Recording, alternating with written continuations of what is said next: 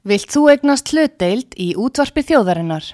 Sendu tölvupóst á hlutabref at útvarpsaga.is eða ringdu í síma 533 3943.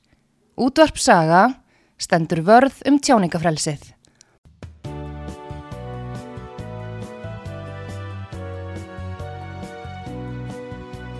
Sýteðis útvarpið á útvarpi sögu í umsjón Pétur Skunlökssonar.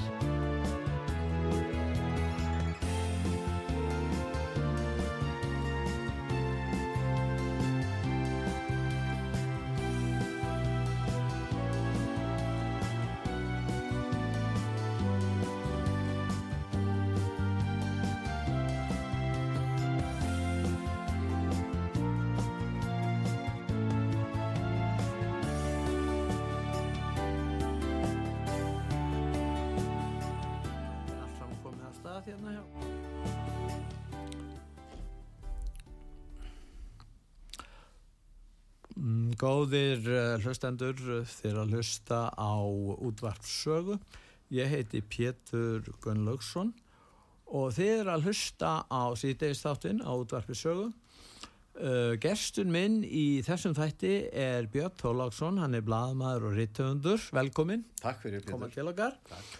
Og þú ætlar að segja okkur frá nýri bók sem að heitir Dauðin Já, ég hef aldrei lesið bók sem heitir Dauðin Herðu, það finnst þú segir þetta vegna þess að ég googlaði áður en hérna titillin endaði í þessu eina sterka stuttáriði og ég held að sé rétt hjá mér að það hefur aldrei komið áður bók á Íslandi sem heitir bara Dauðin. Dauðin kemur oft fyrir með öðrum orðum en það hefur sennilega engin bók áður verið gefin út með svona stórum tilli.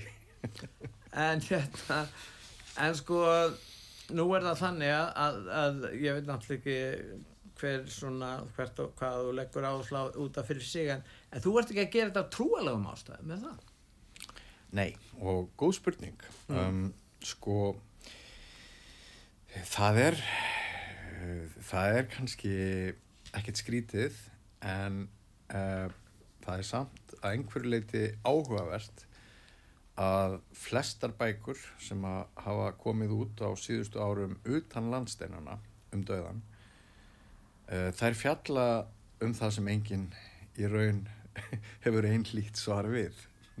hefur enga beina reynslu af Nei, það hefur engum ennþá tekist að sanna tilvist framhaldslífs og það er svona við getum uh, velti fyrir okkur hvort það er góð hugmynd bara yfir höfuð í lífinu að fástu rannsóknir á því sem við getum rannsakað mm. sem þá undir það falla þá efnislegar hliðar döðans og jarðbundnar hliðar döðans eða hvort ég hefði átt að ganga sömu götu og margir sem að hafa skrifað meðsölubækur út af landsteinuna um döðan Mm. sem fjalla þá um uh, það sem kannski gerist eftir að lífinu líkur og hugmyndir okkar um það en ég ákvað sem sagt bara snemma ég ber mikla virðingu fyrir öllum þeim sem leita og ég er ekki að gera sko, ég- miðla á, já, já, á sko Íslandi bara það- sérstaklega á fyrir hluta 20. aldar Já, ég, ég tek fram að ég hef ekki skoðun á einu nýja neinu. Hvað var það það leiðir sem við nýtum til þess að reyna að lifa með vissunum um þú ert ekki trúbóði Ég er hvorki trúbóði nýja, hérna nokkuð annað, en ég sá fyrir mér að það gæti kannski verið ágætt hugmynd að fjalla um efnislegar hliðar dauðans og ég hafði nokkur tæki til þess. Uh, það er vist næsta ár sem að 40 ár eru liðin frá því að ég hóstörf í blaðamennsku. Já, þannig að, að það kom svona snemma til mín svo hugmynd að hluti þessara bókar gæti orðið með viðtölum. Og ég ákvað bara frekar snemma í ferlinu að hætta mér inn á slóðir sem ég hef í raun viljað forðast, Pétur. Ég hef ekki lagt mig fram um Þú það. verður kannski vilja skrifa frekar um dauða fjölmiðla á Íslandi. góður, góður. En, en, en sko, ég hef ekki lagt mig fram um að hitta sirkjendur Nei, uh, sem blaðamæður. nei. Nei, það hefur frekar lent á einhverjum öðrum uh, við liðin á mér. á En þú ert að tala við fólk og menn eru hrættir við döðans um mér, það er óvissan, Já. döðans óviss, uh, já, óviss Tími. tími og, og þetta eru þetta það sem að menn er að velta fyrir sér og, og hérna, en sko, þú ert að tala um þetta, en samt, hvað verður til þess að þú ákveður að skrifa bókum um það, eins og segja, þú ert ekki trúbóði, þú ert ekki að gera þetta svona trúalegum ástæðum, þú ert í að skrifa sjálfsagt um það hvernig kannski hinn venjulegi hverstasmaður upplifir það og hann gerir sér í, já, í flestum tilfellum grein fyrir því að hann kemur til með þetta. Akkurat. Sko, um, það var hérna hluti af þessum bókarskrifum fólst í lestri heimilda og ekki bara bóka sem að hafa komið út utan landsteinuna um döðan heldur ákvað ég af einhverjum orsökum að sökva mér í bara heilmargar ritrýndar fræðigreinar Já, á ýmsum fræðisviðum um döðan já, og ég rekst á einn þýskan heimsbygging já, sem talar einhvern veginn þannig til mín. Hann til dæmis segir að í dauða annara í kringum okkur upplifum, við alltaf okkar eigin dauða var þetta Martin Heidegger? nei, nei, nei, þetta var nú ekki hann. En, en sko það, það kviknar þarna einhver svona ný tilfinning einhver nýr sproti, einhver vísir að nýri hugsun, hann tala líka um það þessi að, að hérna Tóinisen heitir hann.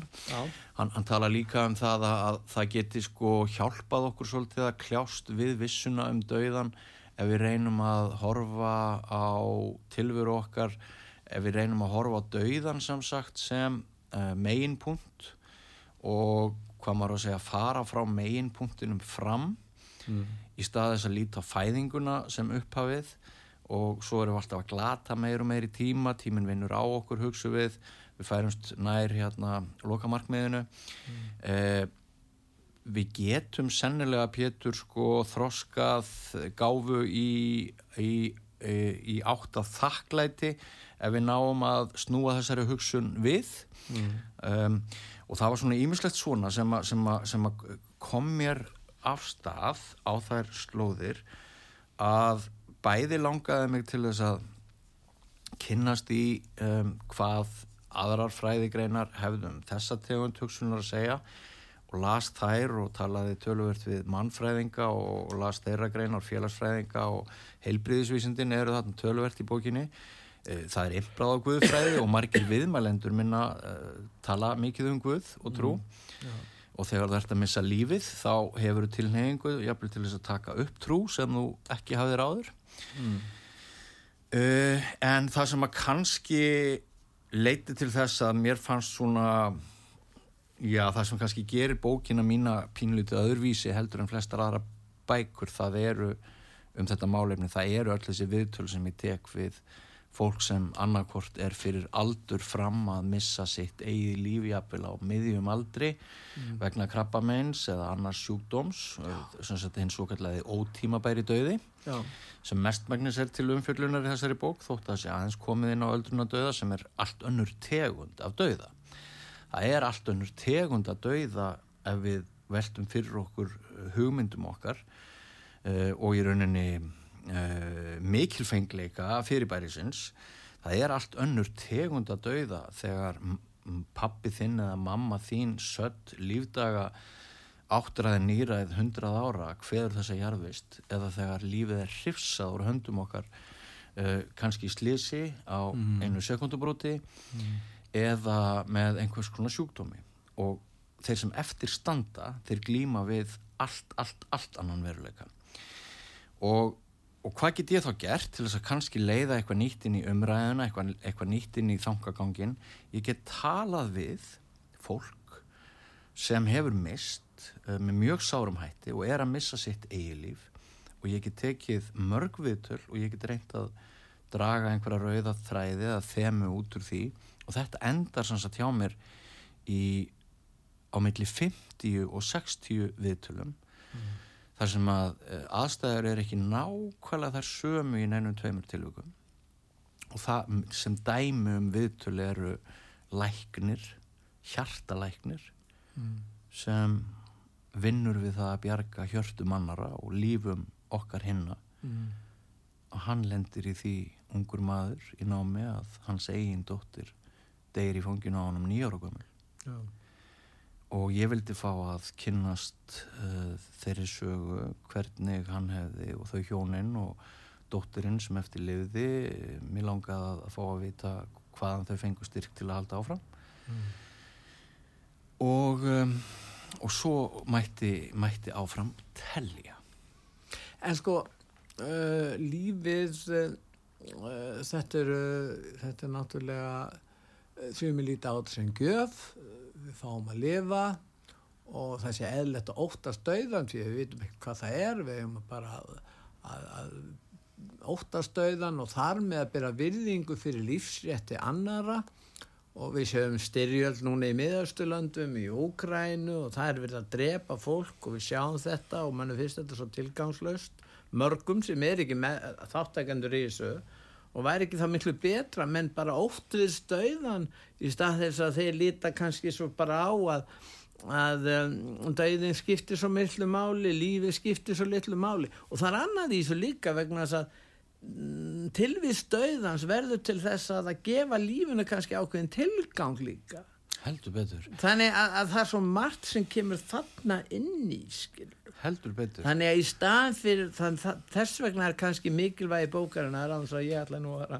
rækja mjög mikið mat á það að, að, að þú ert í raun og verið að segja að dauðin skiptir máli hvernig við lifum. Mjög miklu Já, og, er, og er meira leitandi og er meiri breyta fyrir, fyrir öllum okkar dögum kannski en við gerum okkur grein fyrir Já.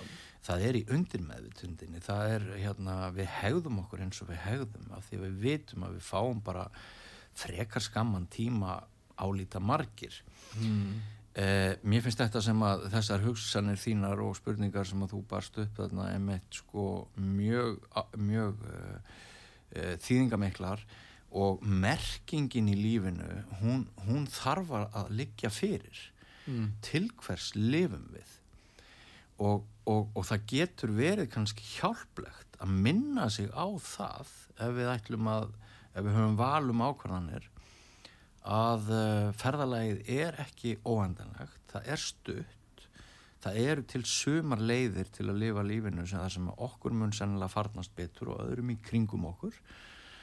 Ef við um, þótt að þessi klísja og, og konfettkassa heimsbyggi að lifa hver dag eins og hann sé sá síðasti mm. auðvitað er, er búið að jafla á þessu út og söður og það er búið að leggja í, alls, í, í alls konar hérna, áttir út af þessu. En þetta er samt svo satt mm. og það þarf sko það þarf endalösa tiltækt eins og ég sé þetta að lokinni rítum þessara bókar og að loknum þess uh, að loknum öllum þessum viðtölum og þegar upp hefur sapnast þessi þekking, það tók mér næstu í fjögur árað að vinna bókina að taka hana saman mm. og, og, og það er svo ótal margt sem ég veit núna um lífið og áherslur fólksins sem er kannski skilja við sitt eigi líf, það er svo mikil forgangsröðun og, og svo margt skinsamlegt sem maður tengir við þegar maður hlustar á rattir hinn að degjandi þetta er hópur sem maður hefur ekkert haft mörg tækifæri til að tjá sig. Og ef við spáum í okkar stjætt stjætt fjölmjölamanna hefur okkur oft dottið í hug að ringi einhvern og segja já blessaður Jón, heyrðu þú ert að degja, ertu til að koma hérna og sögu eða fréttablaði eða kastljósi eða eitthvað sluðið skilur mm. nei, okkur hefur ekki dottið þetta í hug vegna þess að við höfum talið að við værum með því að nánast brjóta á helgum rétti hans til þess að vera í friði síðustu mánuði hérna æfinar þannig að við höfum ekki viljað taka sensin á því að, að hérna við værum að trublan og, og okkur við finnst óþægilegt að ræða það opinskátt og uppátt að þessi maður sé að missa lífsitt. Ég reikna með að margir tengi við það sem ég gef mér að væri eins og þér eins og mér. En svo bara, svo bara kemur úr daginn að þessi hópur, hann, í fyrsta lagi þá hefur hann frá mjög miklu að segja og í öðru lagi þá þráir hann að fá að tjá sig. Hann þráir að aðrir íslendingar síni þessum hópi aðtikli og við erum náttúrulega sprotnir upp úr bældu kynsluðinni, Pétur og, og hérna það er svo það margt. er alltaf kynns og meira minna bælta kannski en, en það er ímislegt sem hefur leið í þagnargildi Já. hjá okkur mm. sem hefði kannski verið skynsalegt að ræða. Já, og við erum að mörguleiti ekkert opáslega góðum björgum uh, bú, búnir til að, að hérna krabla okkur án aðstóðar áfram í sumum þáttum lífsins. Og, og ef einhver sá sem les þessa bók ef, hann, ef hann veit eitthvað aðeins meira ef hún líður betur ef hann, ef hann þú segir er ekki gott að vera hrættu við döðan já sko það er að minnst kosti gott að bera virðingu fyrir döðanum en hvort óttin, hvort hræðslan það náttúrulega er skilgruningaratrið já, já. Eh, Það er að minnsta kosti ekki gott ef eitthvað hamlar okkur þannig för í lífinu að við lifum lífinu til lítils. Við, við erum, erum væntilega öll saman og það við viljum lifa ríkulega. Við viljum fá það mesta út úr þessum örfáu augnablikum sem okkur eru ge- gefin sem einstaklingum í alheimsögunni. Og, og, og það eru allar þessar pælingar um lífið sem allan tíman kvöttum við áfram að skrifa bókina um döða. En nú hljóðan strómverðin töluðum með mentomóri mm Mhm. -hmm. að þú mynd degja og svona og, og, og nútíma menn sko þessi mörgum finnst það er sjálfsagt misjant en mörgum finnst fánýti og svona rugg vera bara drottnar yfir umræðu hér, veitum ekki Facebook og alls konar svona staði og það er eins og þetta fólk líti á lífi sem afskaplega ómerkilegt fyrirbæri það sé ekkit og, og, og það vanti kannski umhugsunum dauðan til þess að setja lífið á þann stað sem að það, að, það á að vera Þetta finnst mér bara mjög góðu þangi hjá þér og mér finnst þetta að koma inn á merkingarleysuna. Ég held að fjöldi samtíma fólks stríði við merkingarleysu í lífinu. Ég held að það sé einn ástæða þess að við erum að mæla meiri vanlíðan andlega hjá evróskum ungmennum heldur en nokkru sinni. það er svo erfitt að umbera 20%. þjáningu ef þú er, hefur eitt markmið Já, ég menn það, ég meina, þau- menn geta verið að berjast fyrir einhverju lífs, lífsháskin Já. hefur ekkert breyst hann hefur bara færst til Já. úr því hér ég elst upp í, í 300 metra hæð Já. austur í Mjósveit oft í 30 stiga frosti Já. lífsháskin var þar við hvert fótmál. Fólk dó í slísum fólk hafiði skömmu áður dáður hungri og harðræði. Lífsháskin er núna árið 2023 hann hefur bara breyst. Hann er orðin andlegur. Hann er félagslegur og hann er andlegur en hann tekur líf. Hann tekur lífi gegnum ópjóðafíkn, hann tekur lífi gegnum sjálfsvík hann öll þessi vanlíðan, hún leiðir til hérna hjá mörgum, allt og mörgum samtíma ekki bara Íslendingum, heldur þekkt vestrænum heimi já, svo sem líka í öðrum heimum en, en hérna við, En við, þetta- við erum í ákveðinni kreppu með sjálf okkur Já, þetta hefur áhrif á allt, til dæmis bara tökum sem dæmi, eh, bara bókmentir. mm. Þegar að menn sjá að lífið er svo mikið svirði, þegar þeir hugsa til döðans líka, Mhm. að þá skilja er það hvað mikilvægt að lesa góðar bækur í stæðan fyrir að eða allri æfinni í að lesa rusl og horfa kannski á einhverja Já. sjómarsbulls. Sko, þetta er það sem er að gerast í dag. Já, og að þú nefnir þetta sjómansbull, sko, ég ræði dæmis við einn mann sem er uh, hérna, Óskar Finnsson, Já, veitingamæður á Argentínu, já, sem er með staðan núna upp á kringlu. já, Engin skilur, okkur Óskar lifir enn, hann er búin að setja heimsmet í lífslíkum, gre greindur með sitt krabba minn, Já. stórkostleg heimild, stórkostlegu maður, var mikil vinur minn í þessu ferli. búin að vera með krabba minn lengi. Og, og hérna, og hann er mitt sko, hann nefnir þetta með ruslfæðið, með sjónvarstrafslið, Já, að, að hérna, það fór að renna upp fyrir honum náttúrulega þegar hann var búin að fá sér skilabóð að vera stutt eftir. Það náttúrulega verði til ný forgangsröðun í honum. Mm. og hans rödd er alveg gríðalega þýðinga mikil finnst mér og falleg í þessari bók og mjög hvetjandi og, og, og hérna er Óskari mjög þakklátur fyrir að lána bókinni rödd sína. Já, en ég hugsaði óneitt,ilega eins og þú ert aðeins að, að ymbra á núna ég hugsaði óneitt,ilega það væri voða gott ef það myndi renna fyrir okkur öllum snemma á æfiskeiðinu að við verðum að lifa til einhvers. Það væri voða gott ef það væri ekki bara síðustu 10-15 mínúturnar sem við svona förum að, að hugsa hvernig við gátum gert hlutina og, og, og hérna fyllumst kannski eftir sjá.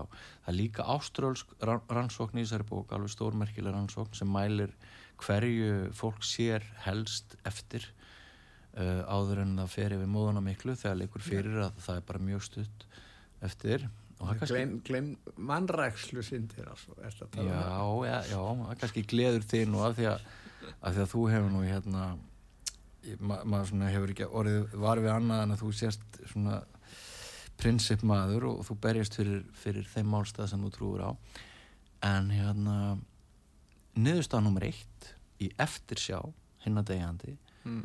er að þeir sjá mest eftir að hafa ekki staðið betur með sjálfum sér ah. Og þá renna uppi í lífum okkar kannski ekkert mjög margar ögurstundir eða úslitastundir mm. en það samkvæmt þeir, þessari rannsókn þá eru það þessar örfástundir þar sem maður hefur valum það hvort maður stendur með sjálfum sér og sinni samfæringu og því sem maður trúir á mm. eða hvort maður fær sér far með einhverjum óheila öflum Já. sem mögulega draga alla með einhverjum hætti til heljar svo nota það sé líkingamál. Ég, það er nú sjálf að það er ekki bara vegna sem menn fara bara eftir því sem hjörðin segir. Já, hver, er það gott að fara, Nei, fara eftir hjörðina? Nei, það er það sem fólk er að gera. Það veldur þá, það veldur þá á því hver leiðir hjörðina Já, já, já ekki bara það heldur bara Ég minna spurningu það hvort að menni mitt uh, hugsunum, tilhugsunum döiðan verður til þess að menn skilja mikilvægi þess að, að kannski að hafa sjálfstæða skoðanir um þetta líf sem við þó fáum höfum. Já, ég held að það sé mjög mikilvægt að við förum að leifa okkur öll að hafa skoðanir. Ég held að það sé mjög mikilvægt að við förum ekki að berja fólk niður sem hefur skoðanir. Ég held að það sé hræðilegur heimur sem bóðar það að meir ekki að hafa skoðanir. Já, og ég, og ég held að... Þú ert að tala um skæriðing og tjáningafrelsi. Já, og ég, ég, er að tala um hérna, ég er að tala um hvern dag að þú vaknar og það er full mm. ástæð til þess að þakka fyrir það að maður að fengið að vakna. Það er og ok, og hvað ætlum við að gera með þennan dag? Mm. Uh, þú þart að hugsa lífið. Þú þart að vera meðvitaður um, um, þú þart að finna lífiðinu tilgang. Það kemur engin með tilgangin og hendur honum fram hann hann kemur ekki í, í gegnum afþreyingarefni á stærstu alþjóðlu efnisveitum heims eða eitthvað sluðis, hann kemur ekki í gegnum algoritmuna á Facebook. Hann kemur í gegnum hugsun og hann kemur í gegnum tengsl og ef, það, ef þú hugar ekki að tengslum þínum við annað fólk þá skiptir engum máli hvað átt klár og gáðar og hvað þú skrifar flotta, flottar Facebook-ferslur skiluru um, þeir mun ekki líða vel. Og það er svo margt samanlegt og eitt einkennir gott samanlegt samfélag. Það er það að við erum ekki hrætt við að takast á við erum ekki hrætt við að lýsa ólíkum skoðunum okkar. Við viljum ljá lífi okkar og lífi annara, merkingu og tilgang með því að bera alls konar skoðanir fram á borðið. Og við þurfum að gera það til þess að hérna, geta greint úr betri skoðanir frá, frá skoðanar sem eru kannski ekki efgóðar sumar skoðanir eru betri en aðrar. Það er hægt að færa rauk fyrir því. Já, það er ekki þannig að allar skoðanir séu járnar og Og, og, og hérna, og kannski var það bara líka þessi kreppa sko, ég er svona veltiði fyrir mér að hérna þannig orðið eiginlega enn leiðilega að lifa árið 2023 en, en, en hérna, sko, hvað var það þetta? Já. Hvað var það þetta mein sem við erum sérstaklega að ræða núna? Já. Heldur um 2019 þegar ég, þegar ég byrjaði að brölda við að skrifa þessa bók en, en strax þarna 2019 er maður búin átt að segja á því að það er að verða einhverjum svona menningabreitingar sem að sem ég allavega flokka ekki undir eskilegar en, en þarna er ég að tala sagt, um menningarpolítík það er mjög mikil mannpolítík í þessari bók. Og hún er auðvitað er ég með einhverja svona, svona politík en, en sko hinn er degjandi og þeir sem missa ástvinni og þeir sem hafa þurft sjálfur að kljást við kjarnamannlega tilveru þeir eru allir mjög politískir þeir eru menningar og mannpolitískir og hvers konar klikkun er það?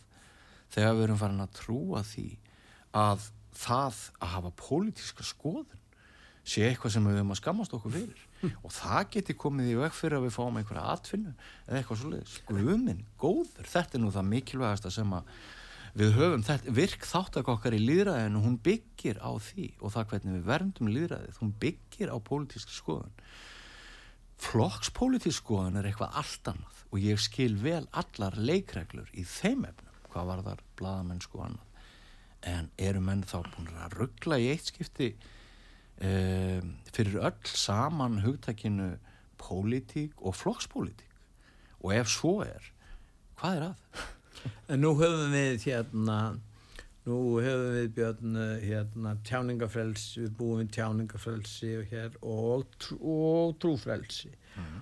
Og uh, trúin svona, það er mísjamt í raun og veru eftir trúabræðin okkar kristna trú hún hérna hún alltaf hefur gengt mjög miklu hlutverk og hefur haft gífuleg áhrif á öll okkar menningu. Mm -hmm.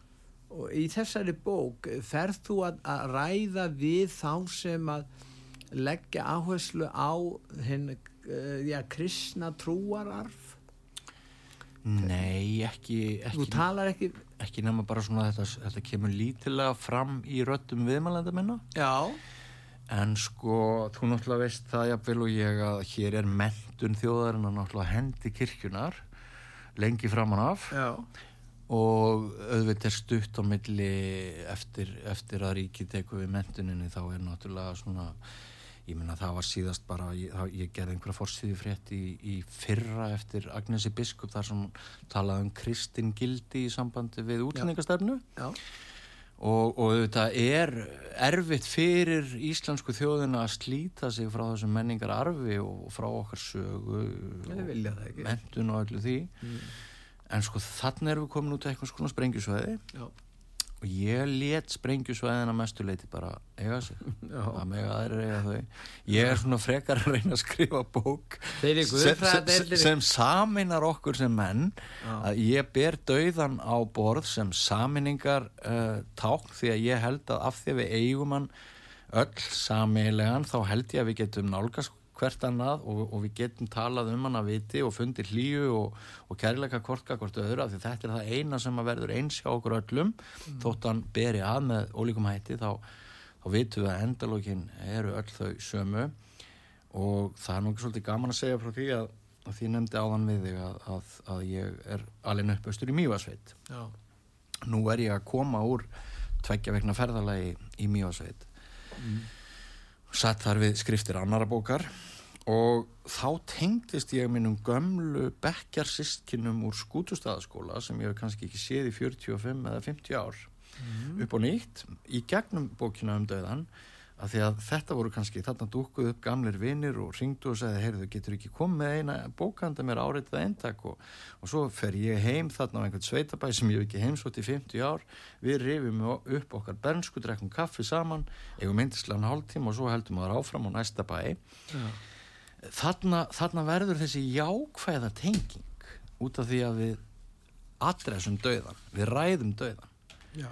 þannig að döðin er ekki alltaf það sem þú þart að hilja og henda frá þér og, og hérna, hann, hann getur líka verið samanningar ták Já, sko, við búum vorum að myndust á þann á sjónvarp eða kvikmyndir eða uh, það er alltaf verið að sína döðan í alls konar uh, myndum. En uh, finnst þetta ekki einhver svona, svona lágkúruleg umfjöldun verum döðan í neina hvernig, hvernig, hvernig menn einhvern veginn ég ekki segja öllum bíó margar bíómyndir eru náttúrulega mjög góðar og, og, og, og það eru til en, en svona eh, það er einhvern veginn talað frekar hvað ég var að segja af lítillir reysn um döðan í, í þessum Jú, ég er alveg sko... manni finnst þetta já, maður verður að segja svo vel. Það verður að drepa fólk út um allt. Þetta og þetta er eins og það sé einhver skemmtun ég veit ekki hvað að kalla þetta. Hvað finnst þér? Jú, ég sko, það er áhugavert að eina umræða íslendinga um dauðan getur maður sagt með Íki aðeins. Já. hún er í gegnum dráp Irsu og Arnaldar Bárðarssonar og Ragnars og þeirra sem skrifa krimma já, fyrir jólinn að við ræðum dauðan í þeirri mynd hver var drefn og hvernig? Já, og hver verður drefin næst en þetta eru allt saman frávik sem að þegar, þegar einhver er, myrtur með kvöldu blóði hér á landi Já. það er allt saman frávik sem að við þurfum að fjalla um og líta á sem frávik. Mm. en, en hérna, þetta kannski bjagar pínlítið myndina að, að vera eða svona mikil orku í þetta í staðis að nálgast auðan með raukrænum, efnislegum, skinsamlegum og hlýjum hætti. Og það er virðing, skiptir mjög miklu máli. Uh, eigum að ræða döðan við börnin okkar. Þeim spurningum er velt upp sumir uh, og þá hvernig og hvers nefna og eigum að ræða döðan uh, við börnin okkar án þess að eitthvað komi upp. Það er til dæmis ein heimild í þessari bók að mínum að þetta er mjög merkileg heimild sem fær um, þau skilabóð frá lækni í staðarskála á leiðinni í skíðaferð norður til Akureyrar. Átti að vera drauma skíðafríð. Þá fær hún símtali sem engi vill fá að hún hafi verið greind með krabba minn og það kunni svo að fara að, að þetta fær ekki vel. Já. og hún verður þá að ræða við dætur sínar og búa þær undir það að, að hún sé mögulega á förum. Síðan fer þetta vel og hún, hún læknast. Er að minnsta kosti ekkert krabba minn í dag. Nei. og hún er náttúrulega sko eftir þessa reynslu þá, þá sér hún svo margar hluti í nýju ljósi. Þannig er með þá sem að lendi í lífsættu og, og þurfa að kljást við döðan af einhverju mynd, þú sér þeim í döðan nei, þú sér lífið í nýju ljósi, segi og hérna hún er Lífið verður meira virði. já, já, já, og, og, og, bara einmitt forgangsröðun tímans, hún breytist. Og áherslur, umræðefni, hugsunin og, og hún er þeirrar skoðanar, eins og kemur svolítið vel fram í þessari bók að eftir þessa reynslu þá sé hún komin á þá skoðan að það sé ekki bara allt í lægi, heldur sé það bara sjálfsagt og jákvægt og mikilvægt og eiginlega nöðsynlegt að foreldrar ræði döðan við börni sín þótt það sé ekkert að eins og norðarða. Og ég veit að það er? Af ég veit að það eru einhverjir hlustendur sem hugsa núna sitt og, og fólk svona "Mm, já, ég er ekki alveg viss um að þetta sé gott sko, er maður þá ekki að gróður setja kvíða og maður er svona að minna á er hverfult og allt það? Uh, af hverju? Sennilega vegna þess að það eina sem við eigum núna það er sekundan sem er að líða. Það er það eina sem við getum gengið út frá sem vísu að er. Og hitt er háð einhverjum öðrum þáttum sem við höfum bara Já, hún vil hafa áhrif þá á börnin með því að ræða við þau um dauðan þannig að þau gera sér betur grein fyrir mikilvægi lífsins, er ekki það Jú, svo hún telur að ótti barna við Já. lífið mingi með umræðu. Og það er ótraleg, ó, ó, ótal um, það eru ótrúlega mörg dæmi um það að umræða og það að hleypa þrýstingi og bæla ekki og stinga ekki undir stól. Að þetta hjálpar fólki. Ef við bara velta fyrir okkur sjálfri tilvist allar sálfræðingastjættar alheimsins. Mm. skilur við það er bara tilvistar grunnur þeirra gengur náttúrulega meira og minna fyrir því að við burðumst með einhver meina, einhverja hugsanir og við þurfum að ræða máli við þurfum Þeir sem óttast dauðan óttast á lífi líka. Er það það sem nei sko sem, það er bara margir sem óttast dauðan vegna þess að þeir vita það er enginn til þess að tala við um dauðan, hvort sem þú ert krakki, Nei. eða fullorðin og það getur verið mjög óþægilegt. Já, En nú er ég náttúrulega að hraðspóla yfir ófáslega langa sögu og breytingasögu sem verður í mínu eigin höfði á mörgum árum. Og kannski er ég að demba allt og miklu á stuttum tíma yfir þig. en við ætlum, við ætlum núna að hérna við ætlum Björn að fara í auðlýsingar og góðir hlustendur er að hlusta á þriðdegistáttinn á útvarpi sögu. Ég heiti Pétur Gunnlaugsson og ég er að ræða við hann Björn Tólagsson hann er búin að vera blaðmaður hvað til 40 ára og, og reytöfundur og, og hann er að segja frá nýri bóksinni sem heitir Dauðinn. Og hérna og nú eftir auðlýsingar hér eftir búið að byrsta auðlýsingar þá ætlar hann að lesa upp á bókinni og hérna hann velur það, hann velur hvað hann les úr þessari bók.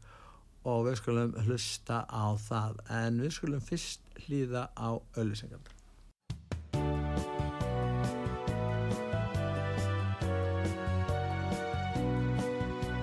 Síðdeis útvarpið á Góðir uh, hlustendur þeir að hlusta á útvarpsögu Sýteðis þáttinn ég heiti Pétur Gunnlaugsson og ég er að ræða við hann Björn Þólagsson bladamann, hann er að segja frá nýri bók sinni sem heitir Dauðin og nú ætlar hann að lesa upp úr þessari bók og gjör þau svo vel Björn Þakka þið fyrir Pétur. Það er svolítið snúið að velja kabla í svona reyti til upplestrar í útvarpi. Eh, ég er að hugsa um að fara þá leið að, um, að leifa hlustendum að skegnast aðeins inn í blábyrjun bókarinnar og svo ætla ég að vinda mér yfir í miðjabók þaðan. En þetta er nú óæft uh, tilruna verkefni og við svona skulum sjá uh, hvaða tíma við höfum og hvernig þetta tekst til. En bókin heitir Dauðin og undirtitill er Raunsannar frásögur um sorgir og sigra við leiðarlók lífsins og hef ég þá lesturinn með því einfallega að lesa stuttan formóla Lífið er viðkvæmur fuggl með næfur þunna vangi. Vissan um dauðan nagar okkur. Dauðin kemur. Hann kemur og skilur okkur í sundur. Það er ömurlegt. Um dauðans óvissan tíma hefur verið sungið í aldir hér á landi síðan Hallgrímur tók þannig til orða. Hann tekur okkur. Hann tekur líka alla hina. Hann tekur allt fólkið sem við elskum. Fyrr eða síðar. Stundum í öfugri röð þegar náttúrulögmálið rofnar. Á sama tíma er líf án ástar ekkert líf. Þannig að verkefnið að lifa er ekki einfalt. Sorgin fylgir ástinni, við lifum, finnum, missum, söknum og deyjum. Hvað ferum huga manns sem sér barni sitt deyja? Hvernig berst fólk með banvænt krabbamenn við örlöksinn með þakklæti að leðarljósi? Kalla auknar evasendir um framhalslíf á vaksandi óta samtíma fólks kakvart döðanum? Er hægt að leiðrétta hugmyndin mannsins um eigin tilvist gagvart tímanum. Verður dauðin sterkastur þegar reynd er að stingunum undir stól. Rannsóknin sem hér fer á eftir er leit að auðmíkt, styrk og skilningi. Hún er ferðasaga bladamanns sem varð móður af því að hlaupast sjálfur undan döðanum og ákvaða staldra við. Sérstakar þakkir fá viðmælendur bókarinnar en fjölmargir aðrir lögðu hönd á pló. Og frá þessum aðfararorðum eða stuttaformúla ætla ég að lesa aðeins uh, lengra í bókarbyrjun. Um, bókin skiptist í fjóra kabla og svo koma undirkablar og uh, fyrsta bók uh, eða fyrsti meginkabli í þessari bók heitir að finna til. Sá sem lifir finnur til Sá sem lifir hlýtur líka að óttast og evast. Það er að kveldi í november árið 2020 sem þeirri hugmynd lístu neður að ég hafi lifað lífi mínu til lítils. Hef svo sem hugsaði áður, hver gerir það ekki? Tilfinningin að hafa ekki öðlast nægan styrk til að takast á við mótlæti er áleitnari en nokkru sinni. Undir áhrifum af reynslu sisturdóttur minnar sem eignaðist barn fyrir skömmu. Lítill nóðri fættist. Hún átti á spítala og fór heim með hann allsæl. Þetta var fyrsta barn, sýstur dóttur minnar, fyrsta barnabarn, eldstu sýstur minnar og máksmýns. Þau voru farin að halla í sjötugt og ómældur fögnuður fyllt í heiminn. Skömmu eftir heimkomu kviknaði grunur um alvarlegan fæðingargalla. Nokkrum dögum síðar kvatti sýstur dóttir mín svonsinn. Útför fór fram, aðtöfn sem flestir ástvinnir hafðu kviðið. Við gátum vart ímyndað okkur annað en að móðurinn unga kæmi niður brotinn til leiks.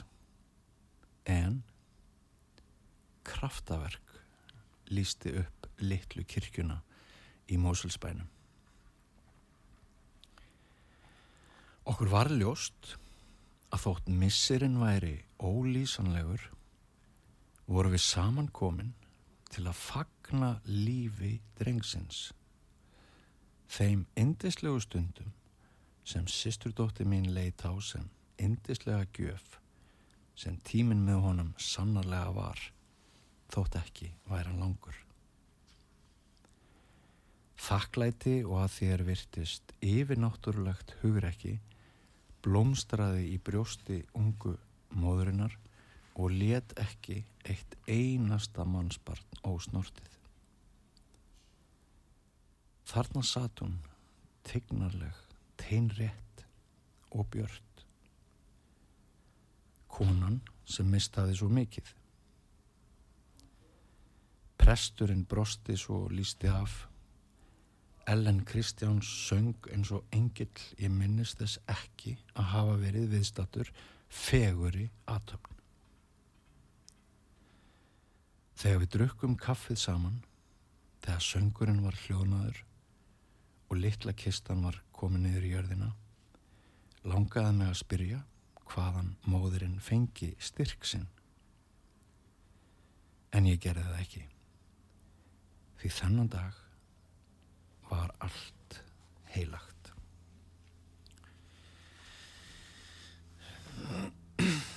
Og þetta er náttúrulega svo litið svona þetta er svona byrjun, byrjun á bók sem að e,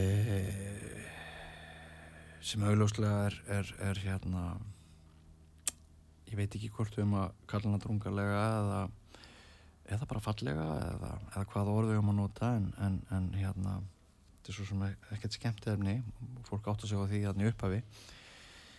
En uh, það eru margar vítir í bókinni og mikil gladverð, mikil húmor og mikil byrta og alls konar speki sem kemur fram í röttum viðmælanda minna.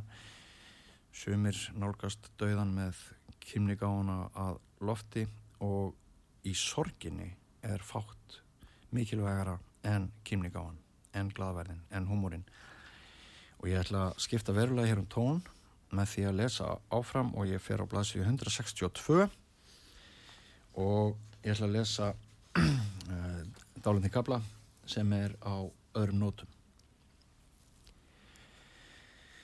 Í vinnuferð í Varsjá hitti ég franska konu. Ég hef lokið störfum þann daginn, það er kvöld og dauðin sem áhugamál er enn á ferð. Ég sitt í andir í gistihús, lem liklaborðið á fartölfinni af þekktri ákjæð. Kona nálgast mig. Ég lít upp úr handritinu, hún spyr hvort hún megin nýsast. Hvað ert að skrifa? Ég svara að það sé bókum dauðan. Ég sé stattur í áreikstur um anda og efnis og eigi það til að festast í oflæti og upprópunum. Mínir palladómar kunna vera dulargerfi utanum inngróna vanmáttarkend sem hafi sprottið úr óta. Klassíst smóltokk hjá mývetningnum. Konan sest við hlið mér og langar að deila með mér sögu. Þetta er eldri kona vel klætt. Hún segir að hún hafi um áratuga skeið starfa við áhættustýringu í Evrópskum banka. Hún hafi sagt upp störfum áður en hún komst á aldur af því að hún hafi upplifað að banka umhverfið væri orðið destroying, eðileggjandi, tortímandi. Hún hafi kynst of mikill í græðki og lífið hafi líkt og hólast að innan. Sjálf var í orðin eins og skjelin að mér, eins og lifandi lík. Við skiptumst á sögum af gnægð og skorti. Reynslu af skortinum eigum við sameigilega en aðeins annað okkar hefur kynst ofgnóttinni. Konan barðist við fátækt sem barn en braust til menta og síðar ríkidæmis. Hún er doktor í sálfræði. Mentunennar leiti til þess að hún sá fyrir ímsar breytur sem aðrir sáu ekki í bankaheiminum. Að auki þótt hún góð í að tengja saman ólíka menningarheima. Konunni leið vel í vinnunni um árabil en á einhverjum dularfullum tímapunkti fór alltaf snúast um power eins og hún orðar það.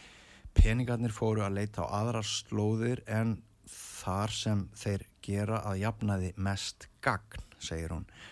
Það varðaði bæði stýringu bankafjárins til samfélagsverkefna en ekki síður hvernig starfsfólki varði eigin fjö. Klæðaburður varð órófa tákmynd, falins, valds, rándýrir, fylgilhutir, bílar og þagg íbúð á kantinum. Samfarað þessum snúningi var einlegum tilfinningum nánast útrýmt af skrifstofunum. Eitt daginn gekk konan út, netti þess ekki lengur, segir hún mér, en hún bjó líka við þau forrættindi að geta gengið út, bendur hún á, ekki allir svo hefnir. Já, auðvelt með að trúa þessari konu ég finn tengingu við það sem hún segir þótt ég hafi aldrei af eigin raun kynst lifnaðarháttum hinna auðugustu. Mér virðist samt þess sem þetta kunna vera dálitið ódýrt.